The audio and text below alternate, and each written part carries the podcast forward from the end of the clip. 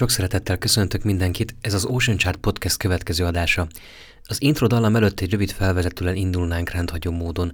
A most következő adást még 2021 márciusában vettük fel, de aztán sajnos a napi munka beterített minket, és nem volt időnk megvágni a végső adást. A tartalma ugyanakkor fontos, és talán így pár hónappal később sem kevésbé aktuális, ezért semmiképpen se szerettük volna, ha elveszik egy fekete lyukban. Fogadjátok tehát sok szeretettel ezt az epizódot is.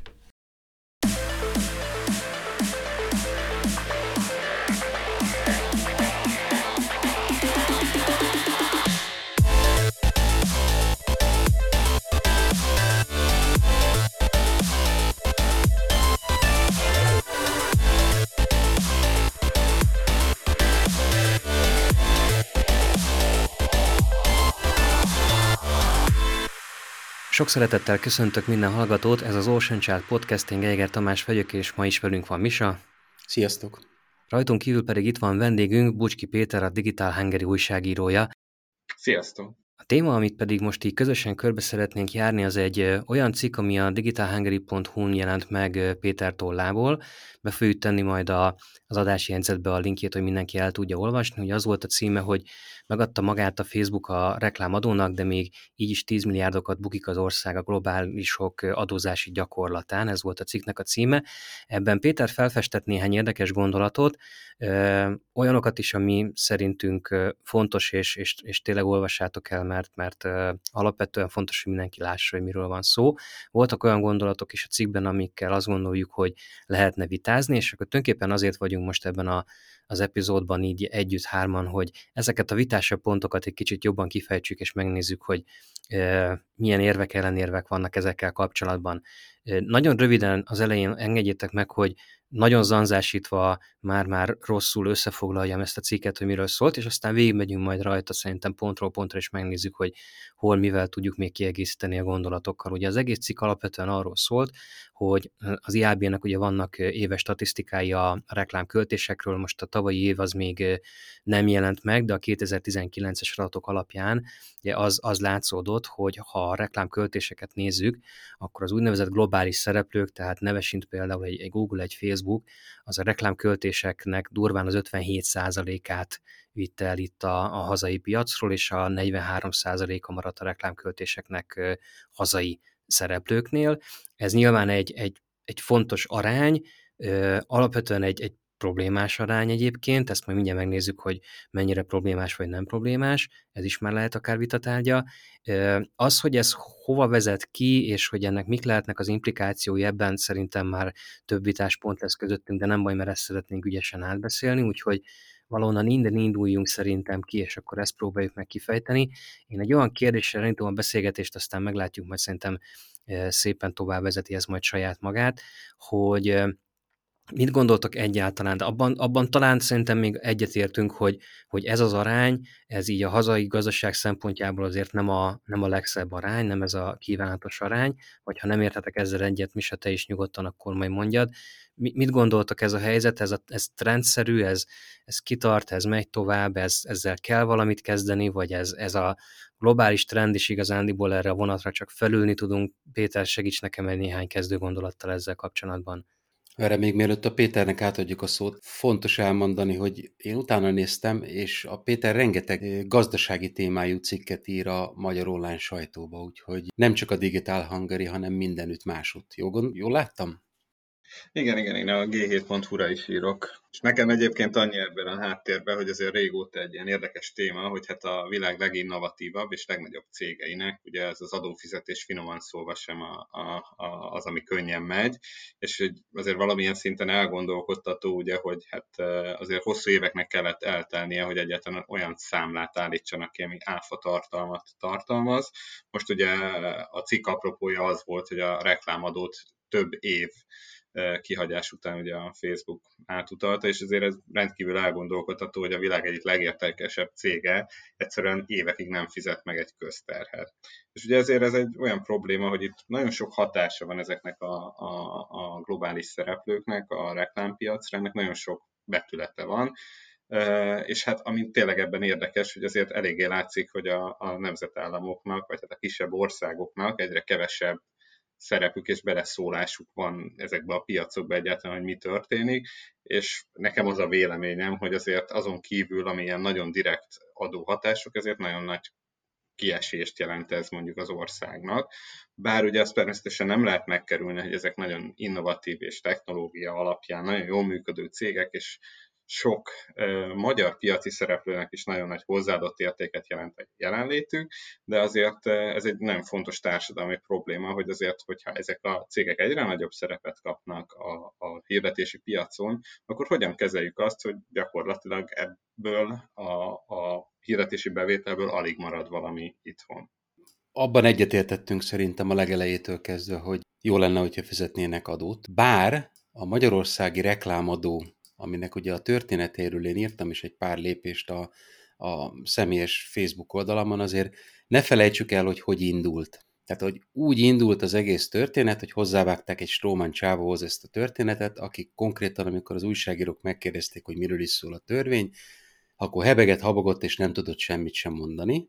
Akkor emelték meg a 20 ezer forintos határt 2 millióra, és a 2 millió fölött kellett fizetnie a, a cégeknek reklámadót akkor, hogyha a Facebook, vagy a Google, vagy bármelyik más nemzetközi média birodalom nem volt hajlandó befizetni a saját részét. Ugye ez is egy vicces helyzet, mert én úgy gondolom, hogy ha valaki azt mondják, hogy ha te partnered nem fizet, akkor neked kell, ez konkrétan a kocsmába szoktak ilyet zsarolni valakit, hogy nem tudom, megverem a szomszédodat, hogyha nem adjátok vissza a, a pénzemet, de tegyük ezt félre. Ugye mi történt belőle? Először is elindult egy nagy definíciós háború Magyarországon, hogy ki számít minek. És például egy média ügynökség a megjelenítője vagy sem, ugye ebben a nagy definíciós zavar tömegben egyszer csak kihámoztuk a végén, hogy mondjuk mi, mint ügynökség, mi el tudjuk dönteni, hogy a Facebooknál vagy a Google-nél költsük el a pénzét az ügyfelünknek, de akkor, amikor a Google algoritmusa dönti el, hogy azon túl egyébként kinek teszi és melyik oldalra tovább, akkor ott a Google lesz a médiavásárló, nem pedig mi. Tehát először beleötköztünk abba a problémába, hogy definíciós kérdések és a technológiát nem értő jogászok próbáltak megfogalmazni és megfogni egy, egy témát, nem sikerült nekik. A következő lépcsőben ugye mentünk lép, csőnként. Először a reklámügynökségek, mivel az összes ügyfelük összesítve már meghaladta a 2 millió forintot, mindenkinek kellett fizetni a reklámadót, mi is fizettünk, bevallottuk, de ez vicces volt, mert át kellett vállalnunk az ügyfelektől, ugyanis 4 darab 500 ezer forint, vagy 4 darab 600 ezer forintos költés után egyenként senkinek nem kellett volna, nekünk, mint ügynökségnek viszont már a 2 millió fölötti részre kellett.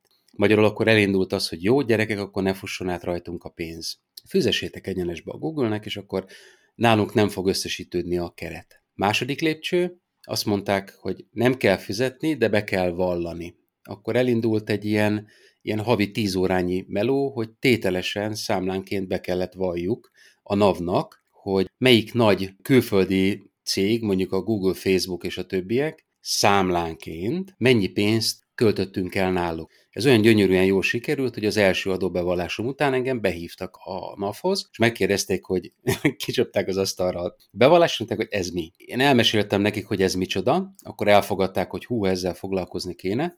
Következő körben, anélkül, hogy szóltak volna a vállalkozóknak, eltörölték ezt az egész dolgot. Ezt úgy vettük észre konkrétan, hogy eltűnt az a menüpont a bevallásban, ami legördülőből, ahol bevallani kellett elektronikusan azt mondták, hogy oké, okay, már bevallani se kell, levettük 0%-osra ezt a bizonyos reklámadót, tehát nem eltörölték, hanem 0%-ká vált, és most már nem kérünk tőletek, mint közvetítő vagy, vagy reklámügynökségtől, ezért semmiféle riportot. Most ugye, ha végigmegyünk ezen a hosszú úton, ezen a hosszú úton a gazdaság is, meg a piac szereplők is egyszerű válaszokat adtak, amikor kiderült, hogy mondjuk egy magyar webáruház az Európai Unióban versenyhátrányba kerül kvázi azzal, hogyha neki 20% reklámodot kell fizetnie, összecsomagoltak, elmentek, nyitottak egy boltot Csehországban, és onnantól kezdve nem a magyar államnak fizették be az adójukat, csak folyosói beszélgetéseket tudok mondani, és számokat nem, de amikor ez megtörtént, ugye a Google-nél Magyarországon kijelentkezett ez a pár vállalkozó, pár száz, vagy pár ezer, vagy pár tízezer, a fene tudja mennyi, és bejelentkeztek a Google-nél Csehországba, Szlovákiába is itt ott. Nem tudjuk a számokat, de azt tudjuk, hogy ezek nem jöttek vissza, amikor 0%-osra visszaváltott az adó mennyiséget. Hát Magyarul sikerült hozni egy olyan döntést első lépcsőből, amikor nem folyt be semmi, viszont a túlsó oldalról elveszített az állam egy csomó bevételt. Ennyit a múltról. Ezek teljesen valid kritikák, ugye amikor egy eh, szabályozás úgy jelenik meg, hogy nincsen azért egy hosszabb távú előkészítése, ez eh, természetesen problémát okoz, és valószínűleg alapvetően a kisebb vállalkozásoknak okoz problémát, még egy nagy vállalat hát megszokta, hogy ilyen dolgok jönnek, mennek, és könnyebben tud erre reagálni. Azért egyet hagy emeljek ki, egyrészt hát mondhatnám vicceskedve, hogy végülis a magyar állam a technológiai cégektől tanult, akik úgy ugyanígy szokták a használati feltételeket változtatni, ugye mondjuk arra gondolunk, amikor az Uber sofőr kap egy üzenetet, hogy mostantól ennyi a fizetésed. Tehát a kritika ugye ilyen szempontból jogos, de hogy ugye sajnálatos módon ez mondjuk a pont a technológiai cégeknél jellemző nagyon.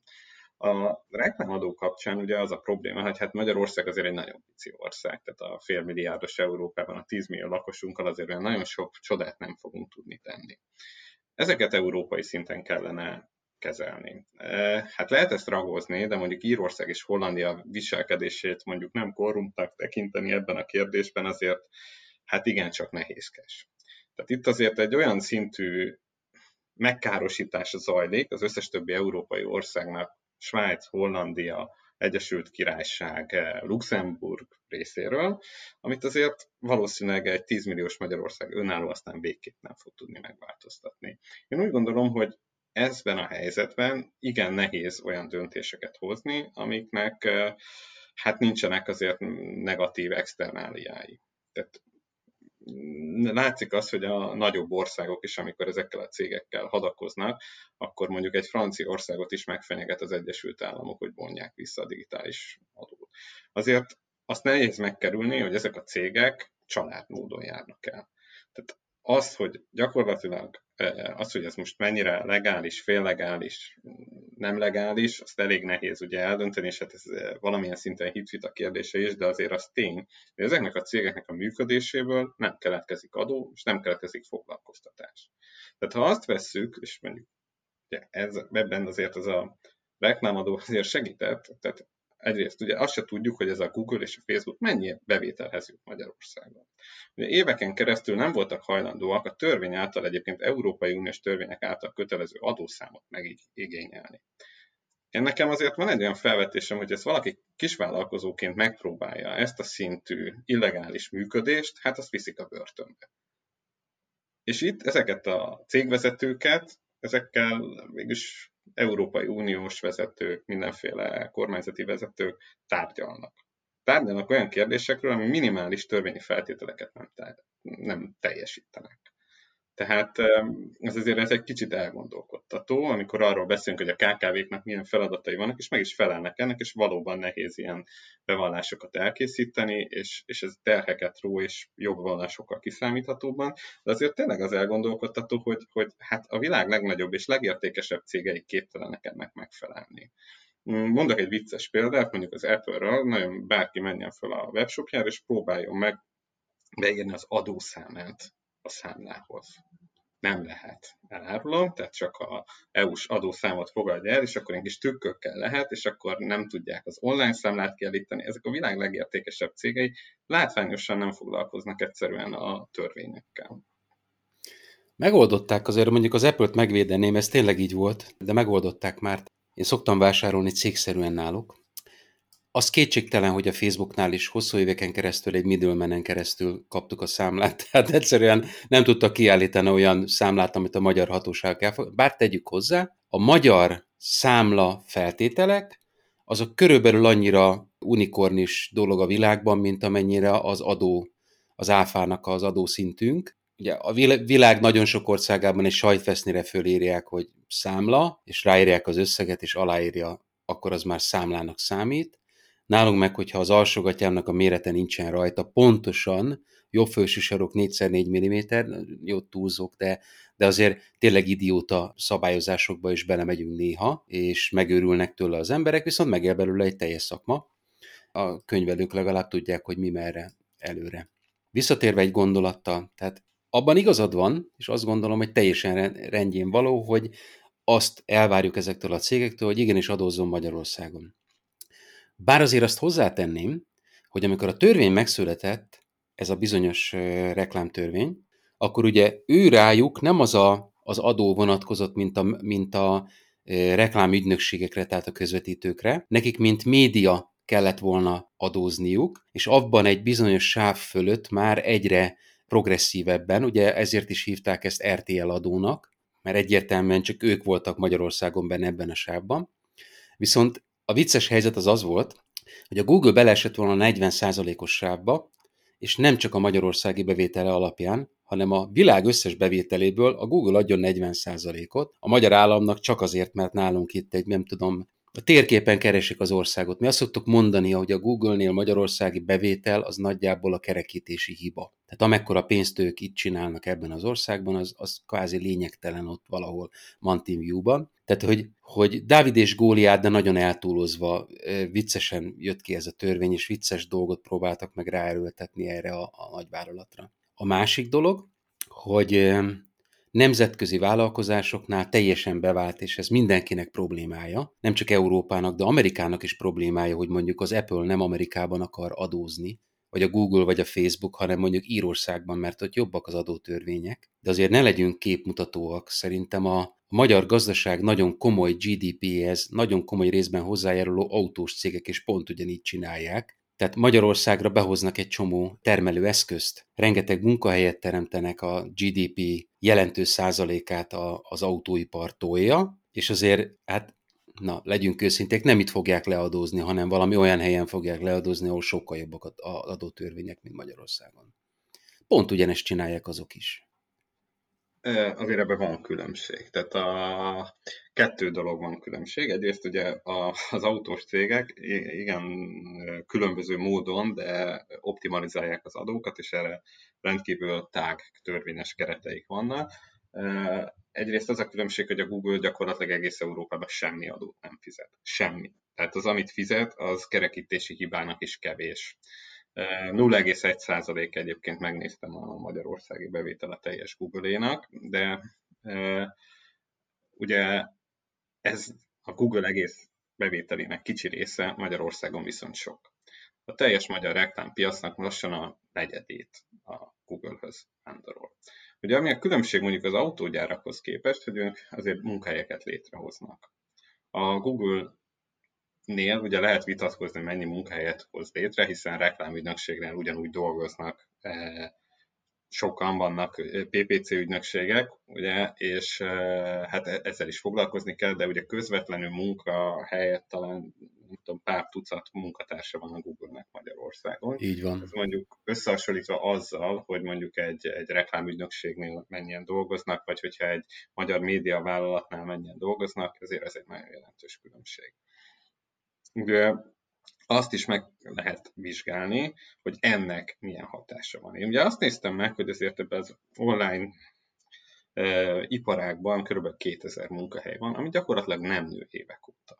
Ezt elég nehéz elvonatkoztatni attól, hogy e, ezek a, a szerepek, ugye, amit a Google és a Facebook visz, ezek elmennek Magyarországról. Ugye lehet azt mondani, hogy egy IVIV, tehát egy, ami most már olyan valami furcsa dolognak tűnik, Igazából semmivel nem tudott többet a Facebook, hogyha azt vesszük technológiailag. Előbb kezdődött az IVIV, tehát igazából ezekben a cégekben az a legnagyobb probléma, amik így a szilíciumvölgyből jönnek, hogy iszonyat pénzeket beletesznek marketingbe az elején, óriási tőkével földúzzasztják őket, letarolják az egész piacot, megszüntetik a konkurenciát, majd ugye főleg ebben a kezdeti időszakban gyakorlatilag semmilyen törvényi előírással nem foglalkoznak, úgy vannak vele, hát úgyse fognak utánuk menni, főleg amikor kicsik. Ubernél jobb példát erre nehéz találni. Tehát letarolják a piacot, majd amikor már nincsen konkurencia, akkor nagy nehezen, amit nagyon-nagyon muszáj egy húz meg, erez meg elve alapján elkezdenek fizetgetni. Maguk ezek a technológiák, mondhatjuk, hogy micsoda innovatívak és újszerűek, azért igen, van benne, hogy tényleg sokkal könnyebb mondjuk egy Google-ben egy hirdetést eh, feladni digitálisan, mintha valaki egy magyar online sajtóban szeretne megjelenni egy, eh, egy akármilyen automatizált hirdetéssel, vagy csak megrendelni bármit. Eh, de igazság szerint, hogyha azért végig gondoljuk, egy kicsit messzebbről nézve, nem a reklám szektor szempontjából, hanem azt mondjuk, hogy én egy vállalkozó vagyok, én egy nem tudom, fodrász vagyok, vagy pék, és azt akarom, hogy lássák a hirdetésemet. Nekem aztán tök mindegy, hogy az a magyar portálon, az a Google rendszerén keresztül kerül oda, vagy máshonnan. Most az a különbség, hogyha a, egy adott magyar online újságnál megjelenik egy hirdetés, ott van egy banner, akkor az a Google rendszerén keresztül kerül oda, akkor abból mennyi adóbevétel keletkezik, mennyi magyar munkahely keletkezik, és ha ugyanez egy magyar rendszeren kerül oda, akkor mennyi. Az kétségtelen tény, hogy olcsóbb lesz nekem hirdetni a Google rendszerén keresztül, hiszen nem fizetnek adót. Tehát és sokkal nagyobb mennyiséggel dolgoznak, hiszen globálisan vannak jelen, tehát a magyar szereplőknek óriási versenyhátránya van. Tehát egy, De ennek egy szerinted ilyen összefüggése van, hogy, hogy azért lesz olcsóbb a hirdetés egy ilyen rendszerben, mert nem fizetnek adót? Azért is olcsóbb, mert nem fizetnek adót, mert azért is, mert óriási mennyiséggel dolgoznak, hiszen ugye globálisan jelen vannak, egy magyar cégnek ugye, tehát hogyha soha nem lesznek olyan jó rendszereik, és olyan hatékony rendszereik, mint egy globális óriás vállalatnak, de ugye ez a kettő azért valahol összefügg, tehát hogy ha hogy nőttek volna ekkorára, hogyha ők is mindent betartanak, tehát hogy azért ez a kezdeti növekedési fázisban óriási nagy segítség nekik, hogy, hogy, hogy gyakorlatilag a szabályokkal nem törődve tudnak indulni. Tisztelettel, de nem értek egyet én azt gondolom, és, és végigéltem, tehát az elmúlt 15 évet én az online-nal töltöttem, és láttam azt, hogy hogyan működött a, a, a Google-nek a belépése a magyar piacra. Már azelőtt itt voltak, hogy volt magyar képviselőjük, és még a Peresztegi Zolival az első interjúkat csináltam e, akkor a blogomra. A magyar online piacnak ez egy, ez egy végtelenül riasztó helyzet volt. Akkoriban az Indexnek, emlékszem, a, a listaára úgy szólt, hogy minden CPM tehát ezer megjelenés alapon árazva, és valamiért oda, oda talán a Google miatt még oda hogy CT alapon is lehet nálunk venni dolgokat, 720 forint. Egy kattintás. Na most akkoriban volt az az, az ár kategória, vagy történet, ahol én 15 forintokért vettem a kattintásokat az akkori ügyfeleimnek. Tehát akkora volt a kettő közötti különbség, hogy csodálkoznék, hogyha akkor az Index bárkinek is eladott volna CT alapon kampányt. De amikor az ügyfeleimet győzködtem, akkor utána mentem a CPM árazásnak is, tehát az 1000 megjelenés árazásnak, és amíg mondjuk az indexen 1500 plusz forint volt 1000 megjelenés, addig én nagyságrendel mondjuk 15-20 forintért hoztam 1000 megjelenést, ha a CPM volt a, a, az, amit kerestek, tehát a megjelenés mennyiség.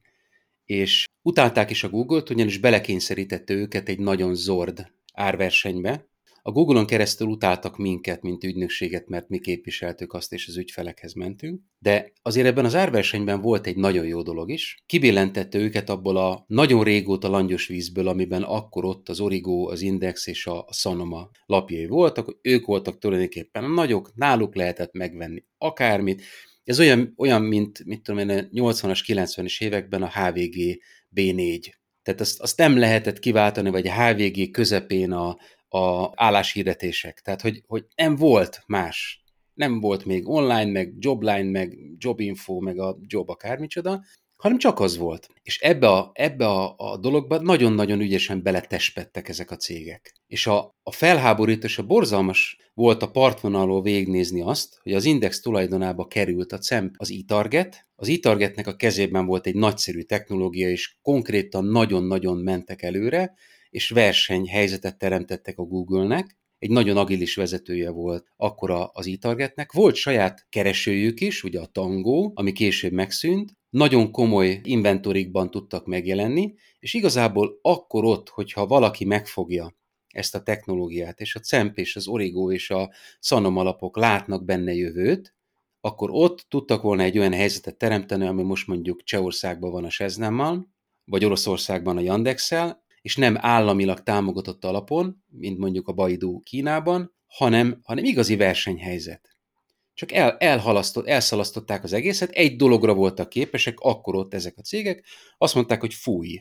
Tehát pont ugyanazt csinálták, mint nem tudom, 6-8 évvel ezelőtt a taxisok a, a Blahán, hogy, hogy elállták az utat, és azt mondták, hogy ne legyen Uber. Tehát nem az érdekelte őket, hogy ők is lehetnének jobbak, hanem az érdekelte őket, hogy ne legyen más és ezért tenni viszont nem voltak hajlandóak technológiában, innovációban, árazásban, semmiben. És én attól félek, hogy az a helyzet, az a helyzet, amiről te most beszéltél a cikkben, hogy ha nincsenek nagyok, akkor ez majd ó, itt dübörögni fog az innováció, és fortyogni fog a, a, az üstben a, a magyar szell. Nem, nem fog ez egyrészt igaz, szerintem ez két független dolog. Tehát az, hogy azért a, a globális technológiai cégek alapvetően egy család módon, nem fair módon jutottak versenyelőször, szerintem ez megkérdőjelezhetetlen. Ugye az, hogy a, a, amit a Google csinál a különböző lábainak az összekötésével, ezt mondjuk azért legyünk őszinték, egy európai cég ezt sem adatkezelésben, sehogy. Tehát egy európai cég ezt nem tudja megcsinálni, amit a Google csinál ez azért egy, tényleg egy olyan probléma, amit lehet mondani, hogy legyetek innovatívabbak, de azért ez nem nagyon működik. Ugye azért azt lássuk be, hogy egyébként természetes módon is, tehát hogyha valaki az Egyesült Államokban egy óriási, tehát nagy is, meg gazdag piac is, ha ott valaki elég nagyra tud nőni, annak már jó esélye van abban, hogy a töretezett európai piacon is jó legyen, tehát ez egy természetes dolog, hogyha valaki egy Amerikában elég nagyra nőtt, az már egy olyan kiforrott technológiával meg tud jelenni, az európai digitális piacon elég jó előnyökkel indul.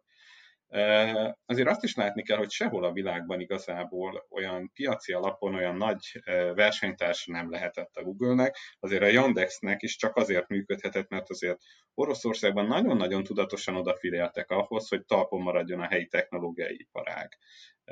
Lehet mondani, hogy néha azért nem is biztos, hogy a fair play szabályai szerint léptek föl, de mondjuk ugye mivel mivel a Google és az amerikai társai soha nem a fair play alapján lépnek föl, ezt nem is lehet szerintem elvárni. A Shaznám egy kiváló lehet, tehát egy nagyon nagy kivétel, tehát hogy ez a, ez a csoda kategóriába tartozik, hogy miért tudott megmaradni. Ugye nem tudom, mennyire van meg nekik a mapi.cz a, a térképes alkalmazásuk, és hát a csajok nagy túrázók, és nem szívesen bíznak egy olyan cégben, még képtelen normális térképet megcsinálni, mert hát azért lássuk be, a Google-nek igazából semmelyik szolgáltatása nem olyan nagyon jó. Nem közepes. Tehát a térkép alkalmazásra az olyan, hát úgy lehet használni, de csak jobb. Tehát egy tucatnyi jobbat lehet mondani. E-mail alkalmazást valószínűleg tudunk jobban, viszont ugye azt, amit zseniálisan csinálnak, hogy összekombinálják a termékeiket, és ezek között biztosítják az adatoknak a megfelelő hasznosítását. És ugye azért azt, hogy tehát enélkül, hogy valaki ilyen sokrétű területen ott legyen, milyen sok felhasználója legyen, hát képtelenség piaci alapon velük azért versenyezni. Mert hiába akarunk egy, egy online eh, hirdetési alapú megoldást találni, ahol mondjuk nagyon intuitív módon bármely KKV és magánszemély által lehet, eh, mondjuk ezt nagyon leegyszerűsítve online apró hirdetést feladni, mert tulajdonképpen ezt csinálja a Google, a Superinfót vitte onlineba, hogyha nagyon szuperül leegyszerűsítjük. Ez egy, ezt meg lehet csinálni, csak hogy ugye ez csak akkor működik igazán jól, ha rengeteg adat van hozzá. Mert pedig azt elérni, hogy valaki ilyen szintű adatmennyiséghez jusson, mondjuk akár csak Magyarországon belül, ez még a legnagyobb kiadóknak is igen nagy kihívás lenne. Tehát a leginnovatív módon is valószínűleg egyébként sokkal-sokkal többet tehettek volna érte. Lehetne e, olyan online e, hirdetési piactér, ahol mondjuk könnyebben meg lehet jelenni nem csak a nagyvállalatoknak, de egyébként itt válik ketté a dolog, és ez a kritika szerintem jogos része, hogy alapvetően a médiavállalatok inkább a nagy hirdetőkre és a reklámügynökségekre koncentrálnak, hiszen ez egy viszonylag könnyebb módon elérhető piac, és itt, akiknek nagyon fontos egyébként mára a Google és a Facebook nyújtotta szolgáltatás, azok a KKV-k, és valószínűleg ők tényleg elég nehéz helyzetben lennének ezek nélkül, hiszen számukra jelentősen megdrágulna a hirdetés. Nem gondolom, hogy a nagyvállalatoknak érdemi különbséget jelentene, hogyha nincsenek ezek a Google és a Facebook és a más globális szereplők, de a kicsiknek biztosan. Hát ez is egy elv lényegében nekik. Ha belegondoltok, egyébként a GDPR se sokat segített a, az európai vállalkozásokon, mert konkrétan csak a Google-t és a Facebookot erősítette meg. Mert innentől kezdve egy, egy közös datapool az összes kiadónak, egy európai szintű, szinte lehetetlenné válik. Egyébként, ha már itt ezt fölvetetted, az későbbre tartogattam kérdést, de már annyiszor kikanyarodtatok ide, hogy már most akkor fölteszem, hogy amikor arról beszélünk, hogy szabályozás, meg, meg versenykörnyezet, szerintetek ez az, itt az Európában, meg az EU-n belül ez egy, ez egy nemzetállami feladat, vagy, vagy inkább ez egy EU-s szintű dolog kéne, hogy legyen? Most egy idealizált világról beszélek, tehát hogy nem feltétlenül politikai alapon, hanem hogy ezt, ezt az EU-nak kéne, vagy az, mert, mert én azt gondolom, akkor elmondom azt is, hogy kellően szubjektív legyek, hogy, hogy az, az EU lehet akkora erejű együtt, hogy ezt egyrészt szabályozza, másrészt akár versenyt teremtsen benne. Az egyes nemzetállamok szerintem erre nem vagy csak korlátozottan képesek, speciál Magyarország szerintem nem. Akkor mondom, szerintem egyértelműen ezt képtelenség országok szintjén megoldani, és ugye Európa egy óriási lehetőséget szalaszt el, hiszen egy 450 milliós piacról beszélünk, amelyik a világ legnagyobb piaca lenne, hogyha ezt egységesen szabályozunk, akkor a digitális piacokban igenis sokkal fontos szerepet tölthetne be Európa. Hát akárhogy is nézzük, gyakorlatilag a digitális gazdaságban nincsenek jelentős európai cégek. Gyakorlatilag az egész piac amerikai cégek kezében van. Ez a jövőre nézve azért nem egy túl jó dolog, és ugye ha azt nézzük, hogy itt igazából minden ország azt abban helyezkedett, hogy hogyan tudna magában ebből egy kicsit többet lecsippenteni, hogy melyik cégnek hol lesz a központja, tehát ez, ez, ez egy nem túl hatékony dolog, és ugye azért ez messzebb vezet, mert ugye nem csak a, a digitális gazdaságról beszélünk, hanem a médiavállalatoknak a fennmaradásáról, és hogy milyen formában maradnak fönn, és azért ez tényleg tehát most ott tartunk, hogy a digitális reklámköltésnek körülbelül a fele az, ami a globálisokhoz megy, és ugye ez nem fog megállni. Tehát főleg nem azután, hogyha ez tovább nő. Én úgy gondolom, hogy alapvetően a digitálisban azért eh, simán lehet, hogy egy 80%-ot elérnek, és onnantól kezdve a teljes médiaipar kiszolgáltatott ezeknek a vállalatoknak, és nem igazán látszik azt, hogy ezzel a helyzettel mit lehet kezdeni. Egyet tudok érteni, de egy, egy nagyon fontos korrekciót tegyünk a számokon. A Google-en elköltött pénzek, azok láthatóvá tettek olyan pénzeket is, ami eddig soha meg nem jelent a reklámtortában vagy a médiaköltésben. Tehát ezek a KKV-k a 10 000 forintos havi költés, az igazából a, a mérésekben sehol soha nem jelent meg. Kivéve, hogyha mondjuk a népszabadság, ami már nincs népszabadságba adott föl egy, egy háromsoros kis hirdetést, de igazából egyszer csak olyan pénzek is belekerültek a reklámtortába, ami eddig nem volt benne, amiket a Facebook és a, Google húzott magára. Tegyük hozzá egyébként, hogy önbevalláson alapul a, a legtöbb mérés, és Nekem fix a ideám, hogy nem két évvel ezelőtt ugrotta meg digitális költés a tévét, hanem legalább négy évvel ezelőtt, csak a, a Google meg a Facebook egyszerűen nem mertek valós számokat betenni, hogy elkerüljék a, a, a skandalumot. De nem úgy van, hogy az ügynökségek adják meg a Google és Facebooknál elköltött pénzeket, nem a cégek vallják be. Tehát hát lehet, hogy változott, ugye most csinál reklámtorta mérés szerintem a, az IAB, és Tomi segítsél a Reklámszövetség, Reklámszövetség is. És nem mindig, nem mindig találják össze a számokat pontosan, és hát ezt így, így nehéz megmondani. Én úgy emlékszem, hogy régebben bevallásokból, önbevallásokból ment. De például, hogyha már csak így hozzáteszem, ha ügynökségi önbevallásokról van szó, akkor az az 500 millió, amit mi költöttünk el a Google-nél az ügyfeleink nevében tavaly, akkor az nincs benne. Hát ez így van, és erre egyébként érdemes is lenne kitérni, mert ugye a legnagyobb problémát én abban látom ezekkel a globális cégekkel, hogy, hogy amellett, hogy látszik, hogy nem igazán szeretik követni a törvényeket, hogy teljesen átláthatatlanul. Tehát nem tudjuk, hogy a Google-nek mennyi a reklámbevételi Magyarországon. Tehát erre kínosan figyelnek, hogy ők ezt soha ne osszák meg. Ugye a Tax Justice Networknek van erre évek óta kezdeményezés, vagy már évtizedek óta, hogy a legnagyobb multinacionális vállalatok hozzák nyilvánosságra országonként a bevételüket, ugye ebbe Európai Unióban is számos kezdeményezés volt, és ezeket nem fogadták el. Tehát addig, amíg ezt nem is látjuk, igazából a sötétbe tapogatózunk, hiszen nem tudhatjuk, hogy mennyi a bevételük, melyik országban. Igazából ez egy, ez egy olyan probléma, ami egyébként a, én feltételezem egyébként, hogy valószínűleg sokkal nagyobb, ugyanis pont a kicsi vállalkozások, meg a, magánszemélyek is hirdethetnek, ugye? Tehát az ő költésüket egyáltalán nem látjuk. Hát igen. Viszont akkor ez visszahoz minket a cikkethez, ahol én komoly kritikával illettem azt a megállapítást, hogy a globális nagyok nélkül feltehetően a hazai médiacégek bevétele véleményünk szerint 30-40 milliárd forinttal lett volna magasabb. Ugye én itt Most a 20-19-ről beszélünk csak, hogy teljes legyen a kép. Igen, mert hogy 20-as számok még nincsenek kin. Ez a 30-40 milliárd, ez soha nem ment volna át egyértelműen a magyar médiavállalatokhoz. Egyik oldalról nincsenek fölkészülve arra, hogy lekezeljék, mert a, a költések nagyon komoly része manuális, vagy ha programatik, akkor van egy belépési korlát, akit meg kell ugrani.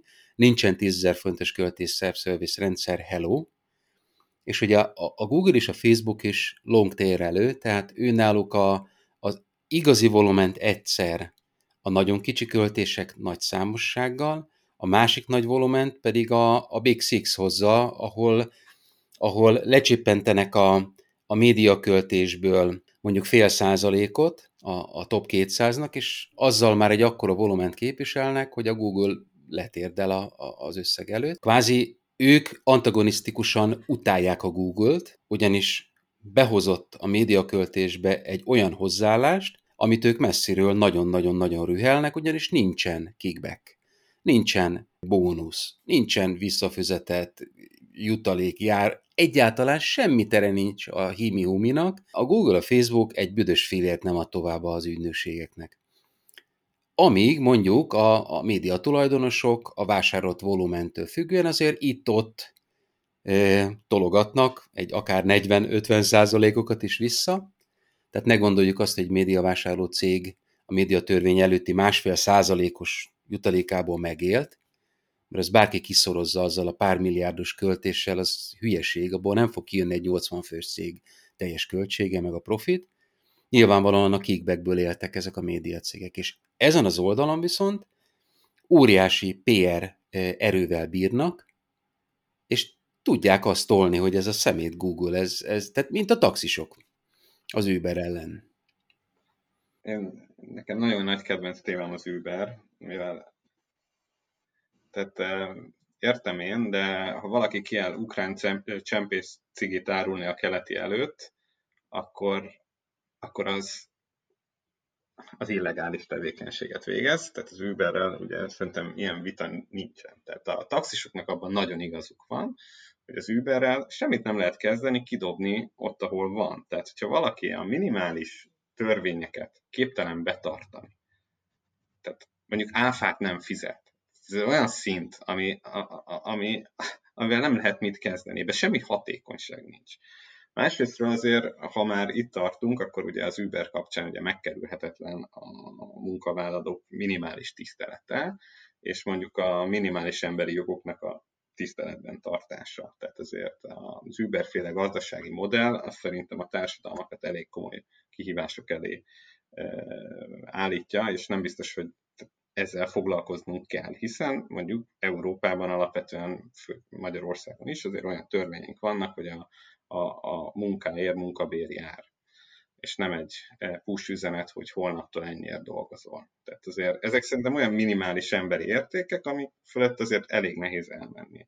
Egyébként meg kell mondani, hogy a digitális gazdaságnak igenis van szerepe a taxipiacon, a Taxify törvénytisztelő vállalkozásként teljesen legálisan tud működni. Ugye azért az is látszik, hogyha ugyanazt tudja az az applikáció, mint az Uber, mert mondjuk ezt szerintem hát elég nehéz komolyan venni, hogy az Uber alkalmazása valami olyat tud, amit más nem. Tehát e, azt tudja, azért látszik, hogyha ha az adóval megterhelt ár, tehát a tisztességes piaci ár mellett már nem lesz olyan lehengerlő szerepe, és egyébként ezt érdemes lehet végig gondolni a reklámpiacra is. Bocsánat, hát, ezt, ezt a részt egy picit csak hagy egészítsem. Nagyon messze visz ez már, és mindenképpen kanyarodjunk vissza a cikkethez. Az Uber téma az két dolog. Az egyik, hogy szerintem egyik Uber sofőre sem mondták, hogy honnaptól kezdve neked itt kell dolgoznod, és ezt kell csinálnod, és el kell fogadnod, hogy itt így kapod a vizut. Tehát ha valakinek nem tetszik az, hogy megkapta a push hogy akkor innentől kezdve ennyi a bér, akkor én szerintem azért fönnállt az a lehetőség, hogy azt mondják, hogy oké, okay, akkor én ezt most abba hagyom erre ennyit tudnak mondani egyébként, hogy Angliában, vagy, vagy hát az Egyesült Királyságban pont nemrég volt erről törvény, vagy hát a bírósági határozat, hogy ez nem nagyon működik. És ugye, ugye itt mindig arról van szó, hogy nem véletlenül vannak ezek a törvények, hogy mi számít munkának, és mi számít vállalkozásnak, mert azért az, hogy valaki visszaél a piaci erőfölényében, és hogy vannak bizonyos szabályaink arra, azt szerintem megkerülhetetlen. Tehát ilyen alapon ugye senki nem lenne munkavállaló, mindenkit lehetne egyéni vállalkozáként foglalkoztatni. Nem biztos, hogy ez egy olyan társadalom, amiben élni szeretnénk. A másik, ami még eszembe jutott, hogy azért azt is nehéz szerintem elvitatni, hogy amikor az Uber megjelent itthon, az egy olyan helyzetet eredményezett, amitől ezek a taxis társaságok nagyon hirtelen kezdtek kijönni azokkal az appokkal, amivel igyekeztek megoldani a, hogy mondjam, a modern utasrendelést. Tehát azért nagyon nehéz azt elképzelnem, hogy az Uber nélkül ez ebben a tempóban lezajlott volna, ami lezajlott akkor, hogy gyakorlatilag fél éven belül az összes fontos taxis társaság kijött egy olyan mobilappal, ahol meg tudom rendelni a taxit, látom, hogy hol jön, hogy ki jön értem, hogy ho- hova fog vinni, milyen útvonalon fog, tehát egy csomó dolog bekerült ezekbe az appokba, amit szerintem tök jó, tehát én örülök, hogy ezek megvalósultak, de nagyon nehéz azt mondanom, hogy, hogy ez az Uber nélkül ez, ez ilyen gyorsan meg, megjelent volna a hazai piacon. Tehát azért a versenyt ilyen szempontból fokozták. Igen, de valószínűleg az Uber eh, törvényesen működve is tudott volna eh, a piacon maradni, azért azt látni kell, hogy az ő működési modellükben ez nem fér bele. Azért azt is látni kell, hogy az Uber egy eh, alapvetően egy buborék, tehát ugye a, a, amióta működik, csak veszteséget épít, de olyan elképesztő értékben, hogy nagyon. Tehát ugye, és azért ez megint csak a, a Google és a Facebook kapcsán ugye egy érdekes felvetés, meg az összes technológiai céggel.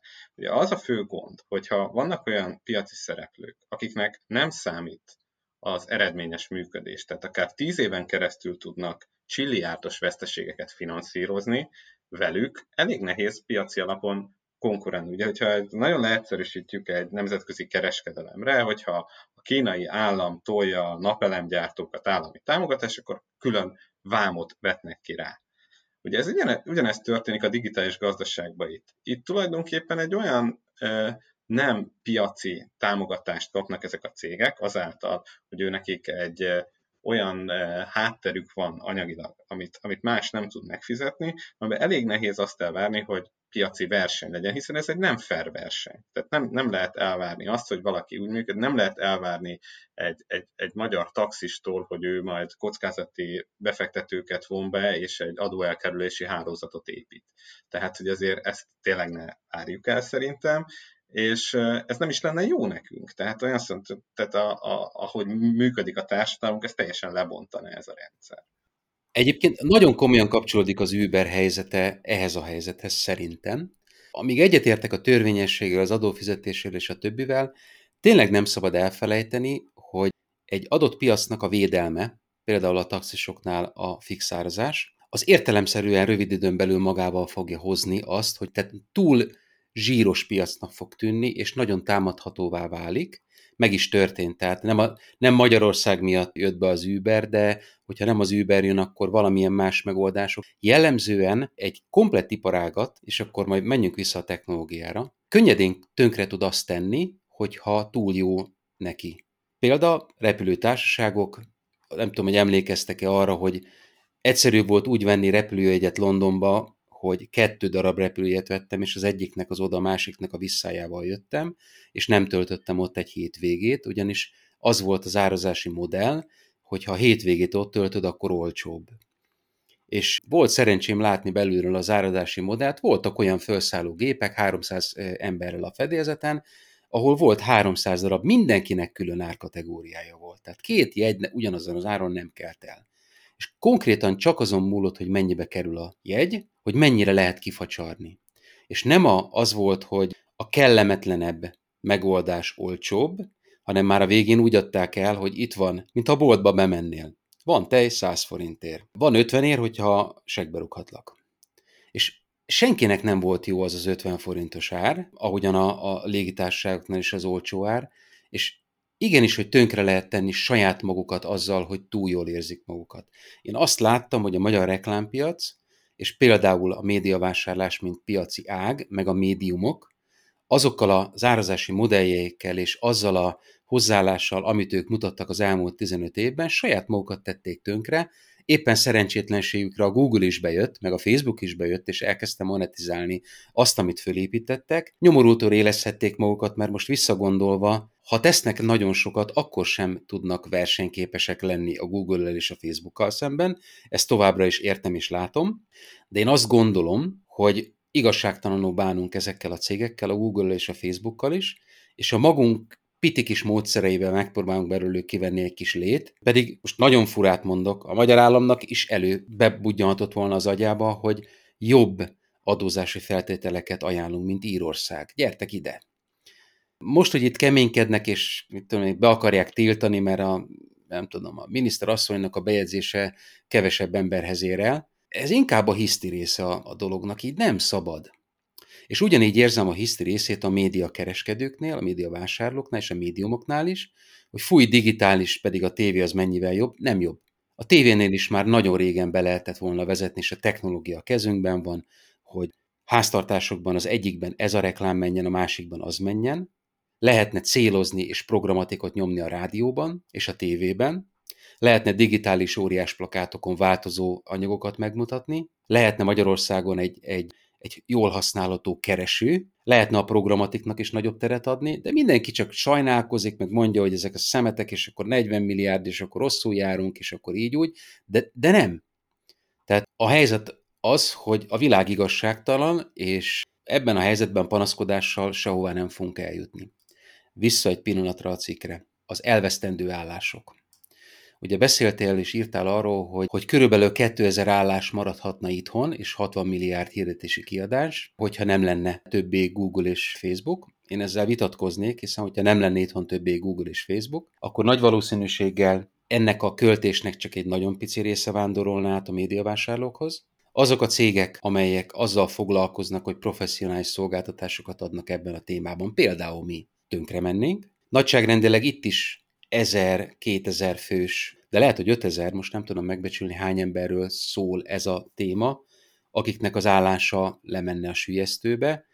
Tomi, most már ezer fölött van Magyarországon a, a minősített Google ügynökségeknek a száma, ugye? Vagy hát közelíti az ezeret. Évekkel de... ezelőtt ilyen 700-ra emlékszem, de abban nagyon sok, nagyon sok egyemberes cég volt, de már vannak olyanok is, mint mi, hogy 15, vagy van olyan, aki 30 vagy 40 fővel tolja, és akkor ez csak egy iparág, meg van az az iparág, akit kiszolgál, tehát ugye mi is a nagy cégektől a kicsikig nagyon sok mindenkit kiszolgálunk. És ezek a cégeknek egy komoly része az életét tette arra, hogy a Facebook és a Google hirdetési rendszerén keresztül generál forgalmat az oldalára. Egy komplet rendszert épített webáruház, nem tudom, digitális javakat áruló terület, szolgáltatásokat eladunk. Ők is nagyon-nagyon-nagyon-nagyon rosszul járnának. Tehát igazából lehet, hogy a költés egy része nem a Google-nél landolna, hanem valahol máshol. Kételkedem, hogy a teljes költés megmaradna, és abban viszont nagyon kételkedem, hogy jó járnánk a munkanélküliek számának növekedésével vagy csökkenésével, hogyha ez a dolog megtörténne. Egyébként az az érdekes, hogy mivel van reklámadó, vagy hát volt, a NAV-nál van a megoldás erre, hiszen ők látják, hogy mekkora cégek, mekkora pénzeket költötték a Google-nél és Facebooknál, úgyhogy ők látják erre a megoldást. Én úgy gondolom, hogy azért ennek a pénznek a nagy részét nagy vállalatok költik, és azt is gondolom, hogy amennyiben ez a két piaci szereplő kiesne, ezt még igazán elméleti. Igazából nem tartom reálisnak, hogy bármikor mondjuk egy ilyen országot, mint Magyarországot feladjanak, hiszen nem adnak föl semmit. Ez nekik nem vállalható, hogy egy piacról kivonulnak, főleg, hogyha itt még veszteségesen is működnének, hogyha egyszerűen nem tehetik meg, úgyhogy valószínűleg ez csak európai szinten lenne lehetséges. Ha Európában nem lennének kétségeim nincsenek, hogy, hogy gyakorlatilag azonnal lenne hasonló megoldásaira. Azért nem kell a spanyol viaszt feltalálni.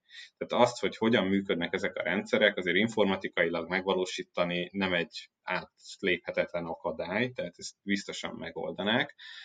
Azt, hogy ilyen tökéletesen működne, azt, hogy újra kellene tanulni, ez igaz. De ugye itt most arról beszéltünk, hogy a hirdetőknek és a, a, a, mit jelentene ez az ügynökségeknek, ugyanakkor nem beszéltünk a médiavállalatokról. A médiavállalatok szempontjából azért ez a, a, a, a Google és a Facebook szerepének a növekedése, ez több szempontból is problémás. Egyrészt ugye, amiből látszik, hogy a, a hirdetési bevételek csökkentenek. Ugyanaz a banner, ami mondjuk a hirdető szempontjából ugye előny, hogy, hogy olcsóbban kapja meg, vagy ugyanaz a kattintás, az, az kevesebb bevételt hoz. Tehát azért azt látni kell, hogy, hogy normális hírportál, média cég ezekből a bevételekből egy ekkora piac, mint Magyarország, egy se tudna működni. Egyetlen egy se. Tehát onnantól kezdve, hogyha ezek, és ugye ez látszik, hogy egyszerűen ugye fizetést azért ezek a cégek már nem tudnak olyan jól fizetni, hát finoman szóval se egy prosperáló szakma a magyar online médiapiac, ennek ugye azért vannak más okai is, de azért azt is látni, és ne csak Magyarországra gondoljunk, ez egy globális probléma, hogy gyakorlatilag a médiának, mint, mint iparágnak a fenntarthatóságát nagyon komolyan veszélyeztetik. Ugye itt gondoljunk arra, hogy az Egyesült Államoktól Ausztráliáig gyakorlatilag a lokális média megszűnőben van. Tehát ezek a cégek azáltal, hogy ezeket a hirdetéseket és bevételek csökkentek, az csak egy dolog. Emellett nagyon fontos, hogy gyakorlatilag olvasót online elérni a globális szereplők nélkül nem igazán lehet.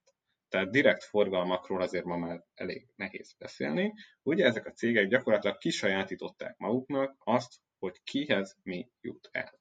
Ez egy társadalmi probléma, mint inkább piaci probléma, amellett, hogy ugye a médiapiacnak ez egy saját problémája, de azért ez egy nagyon erős probléma onnantól kezdve, hogy valójában tényleg tudják azt befolyásolni, hogy ki lehet hol, eh, aki megjelenik, és kihez jutnak el tartalmak, akik, és hogy ugye kinek a hirdetései jutnak el oda.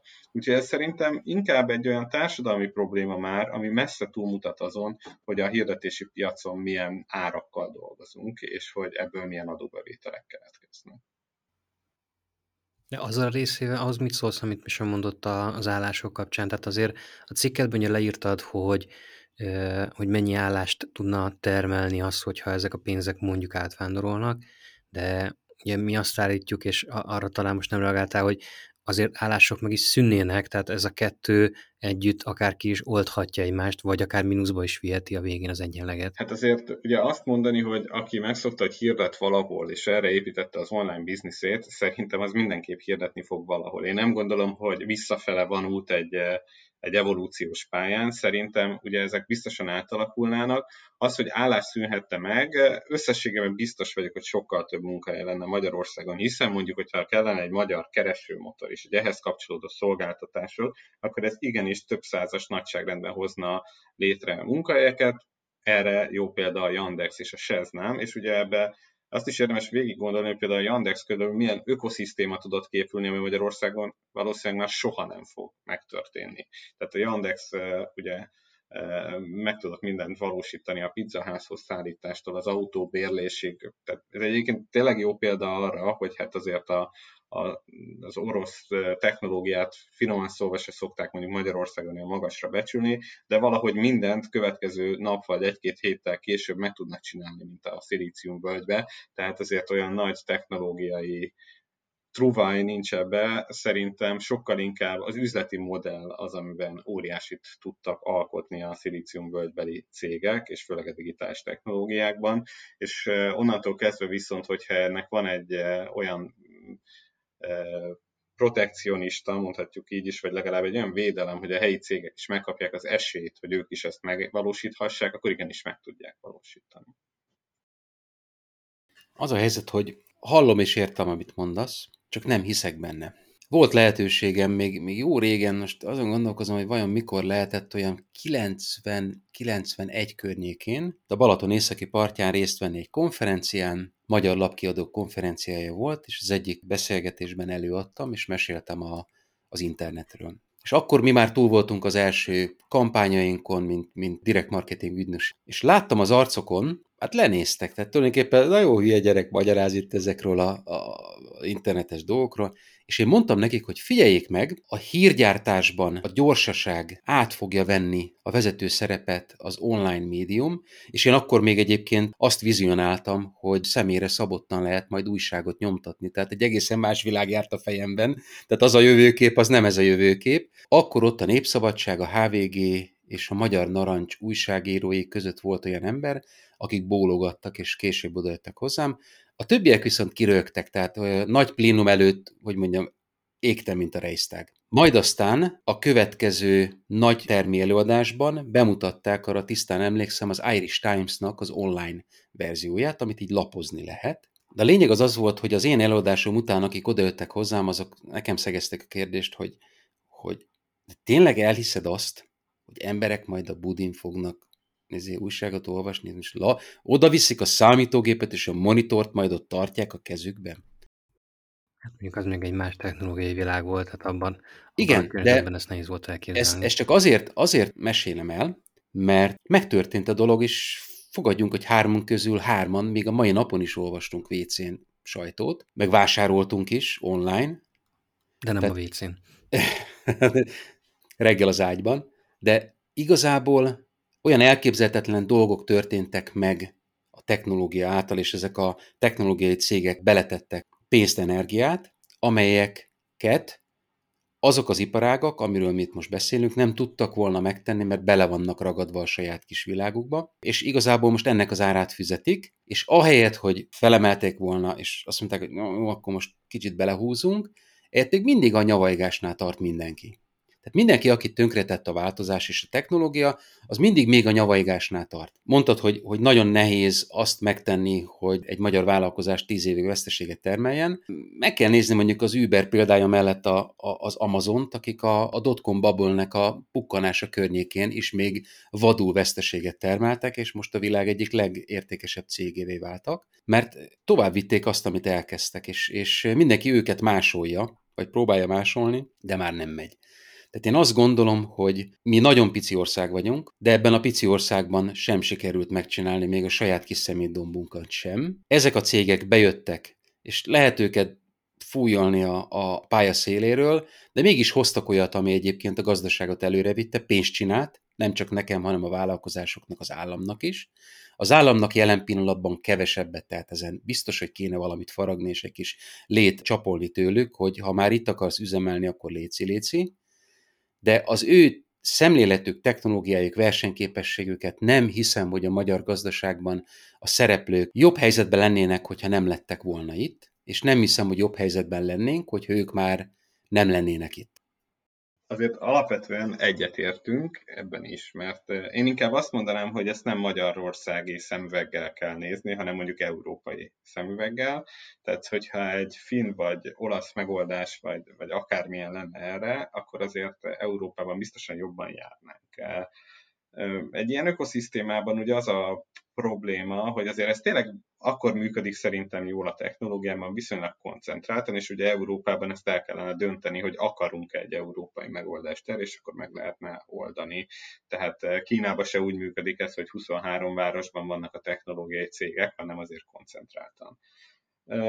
És ugye itt bejönnek az európai problémák. Szerintem abban egy kicsit vitatkoznék, hogy hogy lehetette volna bármi esélyük a magyar médiavállalatoknak, reklámügynökségek, bárkinek a szereplők közül sokkal jobb megoldást kínálni.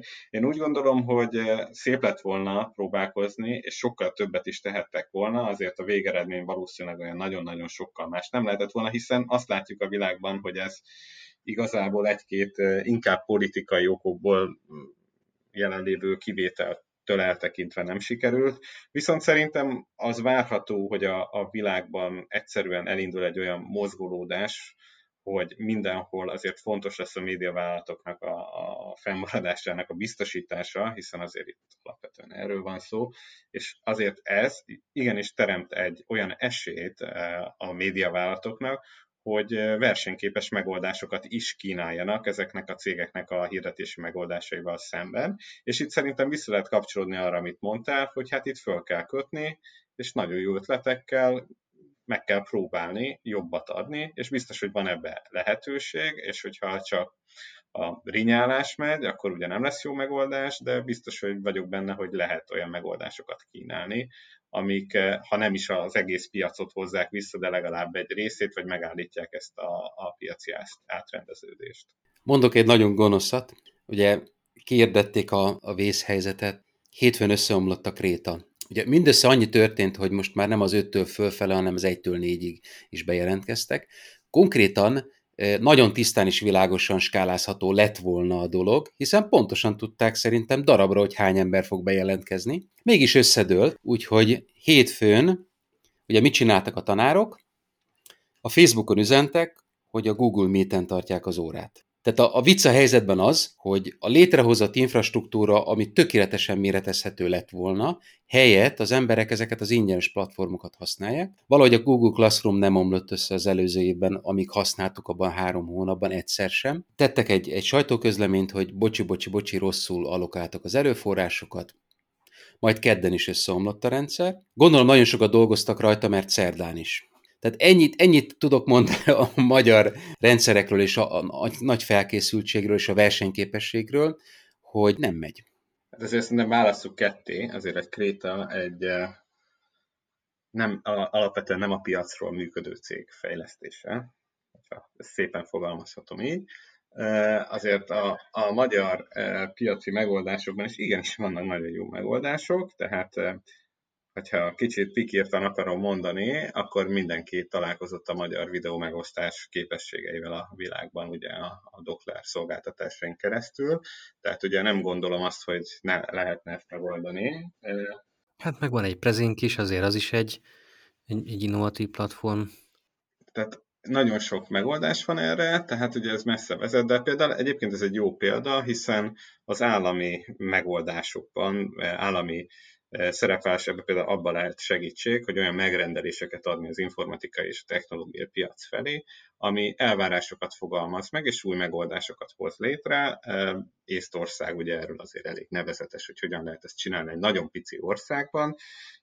Létrehoztak gyakorlatilag egy e-állam platformot, aki bárki el tud kezdeni egy szabad felhasználású programként használni minden állami feladatra, ugye ezek olyan megoldások, amik igenis segíthetik a helyi gazdaságot, és mondjuk technológiában mondjuk messze az Amerikai Egyesült Államok eh, működése előtt jár az a picike ország, de egyébként, ha már a NAV kapcsán, hogy milyen bevallásokat kell eh, kitölteni, hát azért Magyarország fényévekre az Egyesült Államok előtt jár az adózásban, tehát ahol egy eh, hát elég nehéz az üzleti érdekeket nem észrevenni Egyesült Államokban, vagy nem sikerül egy online bevallást készíteni, hanem bizonyos cégek által árosított programokkal lehet csak egy szuper bonyolult adóbevallást elkészíteni, tehát azért látni kell, hogy nem minden nálunk működik a legrosszabbul, és mondjuk azért adózás terén, amit Magyarországon elsikerült érni a digitális megoldásokkal, hogy az adóelkerülés szintjét globális technológiai cégek kivételével nagyon radikálisan sikerült csökkenteni, az szerintem egy elismerendő dolog. Abszolút, tehát ezt akartam én is példaként felhozni, hogy a, az elektronikus ügyintézésnek a rendszerei ugyan tákoltak, foltozottak és 18 helyről szolgálódnak ki, de alapvetően egyébként működőképesek, és ez, ez nagyon-nagyon tetszik. Én látom egyébként a, az állami cégek oldaláról az adatgyűjtésnek a jelentőségét, hogy a nap sem véletlenül vezette be az online számlát, a, az online pénztárgépet és a többit. Tulajdonképpen, ha, ha ügyes emberek csinálják, és valószínű ügyes emberek csinálják, akkor real-time adataik vannak a magyar gazdaság működéséről, ami azért egy óriási nagy dolog.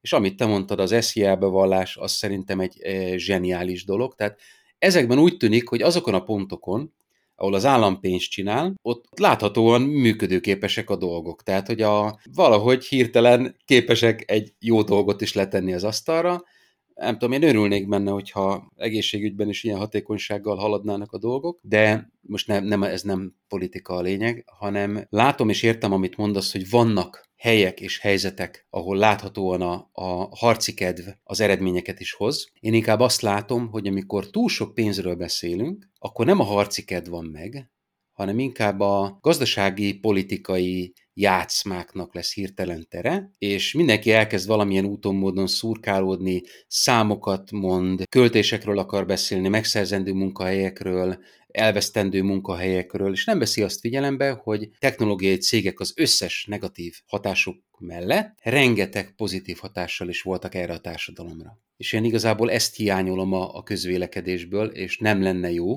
hogyha hogyha közelenséget csinálnánk a Facebookból, a Googleből vagy bárkiből, mert csak rosszat hozna. Hagy legyen egy másik kérdésem még Péter feléd, mert volt egy olyan most kontextusba kiragadva nehéz mondatokat így idézni, mert nyilván fontos, hogy mit írtál előtte, meg mit írtál utána, de tegyünk egy kísérletet. Volt egy ilyen mondat a cikketben, aminek egyik részét én nem teljesen értettem, aztán lehet, hogy csak én vagyok a naív. Azt írtad, hogy a fogyasztóknak viszont az az érdekük, hogy a legjobb ajánlatokkal a legolcsóbban találják meg őket a cégek. A legjobb ajánlatot értem. a legolcsóbbat nem. Tehát nekem fogyasztóként hol, hol érdekel az engem, hogy engem olcsón vagy nem olcsón találtak meg? Hát, hogyha azért kicsit messzebbről nézed, akkor nem mindegy, hogy az a cég mennyit költ reklámra, hogy téged elérjen. Tehát, hogyha van egy vállalat, és azt mondja, hogy neked akar kávéfőzőt árulni, azért nem mindegy, hogy ezt a, a erre 100 forintot kell eladott kb. képenként költenie, vagy 50-et, hiszen attól fog függni a végén, hogy te mennyire vásárolod meg. Ugye azért, hogyha azt veszük, azért a hirdetési kiadások a teljes árbevételen belül nem olyan nagyon kiemelkedőek, de hogyha pont egy KKV esetében mondjuk, hogyha mondjuk a sarki boltnak azért nem mindegy, hogy hogyan szerzi meg a vásárlóit, tehát hogyha ő valójában tényleg olcsóbban tud hirdetni online felületen, és olcsóbban érje el a vásárlóit, ráadásul erről még adatokat is kap, akkor az valóban jó nekem, mint fogyasztó, hiszen olcsóbban fogok a, a nap végén vásárolni. Ebből következik az, hogy akkor, ha ezek a nagyobb vállalatok a maguk olcsó rendszereivel eltűnnek, akkor, akkor nagy kérdés, hogy a fogyasztó ebből majd mit fog tapasztalni, mit, mit, mit fog ebből.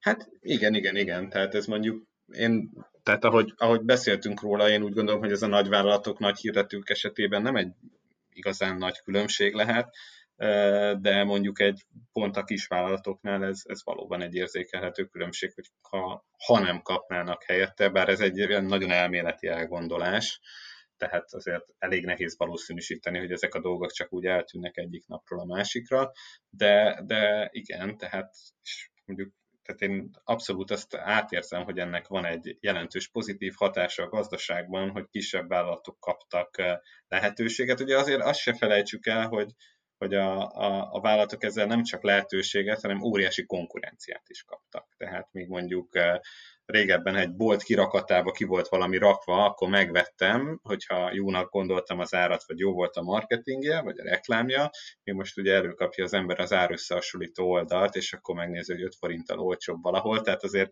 ezek olyan dolgok, hogy nagyon könnyű kiragadni bizonyos eh, dolgokat belőle, nagyon nehéz azt leszűrni, hogy összességében eh, gazdasági szempontból, vagy akár társadalmi szempontból minek mi a hatása, de ugye azt ezért ezek az online platformok a végtelen konkurencia korszakát is elhozták. Még egy nagyon provokatív kérdés, és tényleg itt a lezárás felé haladok én is ezzel, hogy el tudod azt a helyzetet képzelni, hogy Magyarországon a politika az összes szempontot figyelembe véve fog döntéseket hozni ezekkel a nagy cégekkel szemben vagy mellette. Én nem Tehát, csak Magyarországon nem tudom ezt elképzelni, sehol a világon. És ez mit jelent? Tehát, hogy akkor, akkor valószínűleg politikai szempontok is bele fognak játszani. El, tud, el tudod azt képzelni, hogy a Facebookot és a Google-t mondjuk, meg a Twittert megpróbálják kiszorítani ebből a piacból? Ezt szerintem az Egyesült Államok elég egyértelművé tette sokszoros kommunikációban, hogy ezt nem tűrik el. Tehát ha erre van is késztetés Európában, ez biztos, hogy nem fog tudni megvalósulni reálisan, ugyanis ennek biztosan olyan ellenintézkedések lehetnek, a, a, amik, amik már nem érik meg. Tehát ezt mondjuk a Trump a maga módján ugye kitwitterelte, de, de azért ezt sokszorosan eh, kommunikálták. Hogy Le is tiltották. E, igen, igen, de ugye azért azt, ha végig gondoljuk, az, egyébként az Egyesült Államoknak a külkereskedelme a gazdaságához képest elég kicsi. E, ugye azért az Egyesült Államok hoz képest Európa sokkal nyitottabb gazdaság a világpiacok felé, és ha megnézzük, ugye azért az Egyesült Államoknak a legnagyobb exportja a digitális szolgáltatások kezdenek lenni. Tehát ők azért eh, meg hát erről szól a jövő, tehát hogy azért ez nem olyan egyszerű, de kicsit messzebbről nézzük azért, tehát ugye hogyha a világra rátekintünk, akkor ezek az amerikai cégek ugye Európában nagyon jól érzik magukat, és nagyon szabadon tudnak működni, emellett Dél-Amerikában is, de azért, ha azt nézzük, Ázsiában azért már nem olyan jó a helyzetük. Tehát azért a legtöbb digitális megoldásnak Amerikában nagy konkurenciája van, különösen Kínában, de azért a legtöbb ottani piacon majdnem minden cégnek van valami helyi ellenállvasa, és ott azért nem olyan szabad a piacra való belépés, mint Európában. Hát ugye Afrika egyelőre még viszonylag kicsi piacot azért olyan sokan nem próbálkoznak, de, de tényleg tehát ez látszik, hogy azért a, a, a digitális piacokon is, hogyha megnézzük, akkor Ázsia az amerikai cégeknek nem annyira elérhető, és Európa ezért a leges legfontosabb. És még, még tovább próbálok infokat szerezni tőled ebbe a nemzetközi politikában. Elképzelhetőnek tartott, hogy ez, hogy a, a, a Facebook fizetett most valamennyit. Ez része egy nagyobb játszmának, ahol ők mondjuk bedobják magukat, és ez rajtuk keresztül kap egy nagyobb kedvezményt, viszont a, a kormány a Google-t próbálja meg ezen keresztül rákényszeríteni, hogy mégiscsak fizessen adót, vagy egy, egy, egy, egy nyomásgyakorlásnak ez része lehet, egy, egy politika, meg egy, egy gazdaságpolitikának a, az iránya, vagy mi történik itt a háttérben? Hát mondjuk megkerülgessük, ugye a politikának nagyon fontos kommunikációs csatornája mind a Google, mind a Facebook, tehát ez e, meg a Twitter, tehát azért látjuk, hogy az Egyesült Államokban is milyen szerepet kapott az elnökválasztásban, és ugye ez azért minden fejlett országban komoly kérdés, és ez egy óriási sakjátszma, hogy ki mit tud ebből kihozni. Hát most az Ausztráliában bevezetett szabályozást is elég nehéz politikai kontextus nélkül nézni, ahol mégiscsak a kormánypárthoz közel álló legnagyobb média birodalom jár ezzel a legjobban. Tehát azért nem véletlen, hogy nem olyanoknak jut az eszébe, akiknek mondjuk vannak barátai vagy ismerősei ilyen területen, és hát azért a, az egy nagyon érdekes kérdés lesz, hogy a politikai kommunikációra ennek milyen szerepe lesz, mert onnantól kezdve, hogy mondjuk, hogyha pártokat, politikusokat ezek a, a vállalatok letiltanak, hát az bárhol a világon választásokat tud befolyásolni. Tehát igen, ez megkerülhetetlen kérdés, hogy valószínűleg itt a, az anyagi vonzatok mellett ugye ennek a, a, a szabályozása is e, változni fog, tehát valószínűleg nem a moderátorok fogják, vagy a robotok eldönteni, hogy kinek a, a, a posztjait fogják letiltani, hanem valószínűleg ezt próbálják az egyes államok a saját kezükbe venni, és hogyha ebbe kapnak segítséget, akkor még az is elképzelhető, hogy az adózásban e, hát puhább álláspontot ütnek meg. Te tudod azt képzelni, hogy, hogy azzal, hogy megmarad a Google és a Facebook, azzal valamelyik politikai erő jobban járna, vagy hogyha eltűnne, akkor valamelyik rosszabbul járna? És melyik? hát erre én Magyarországon nem szívesen mondanék semmit.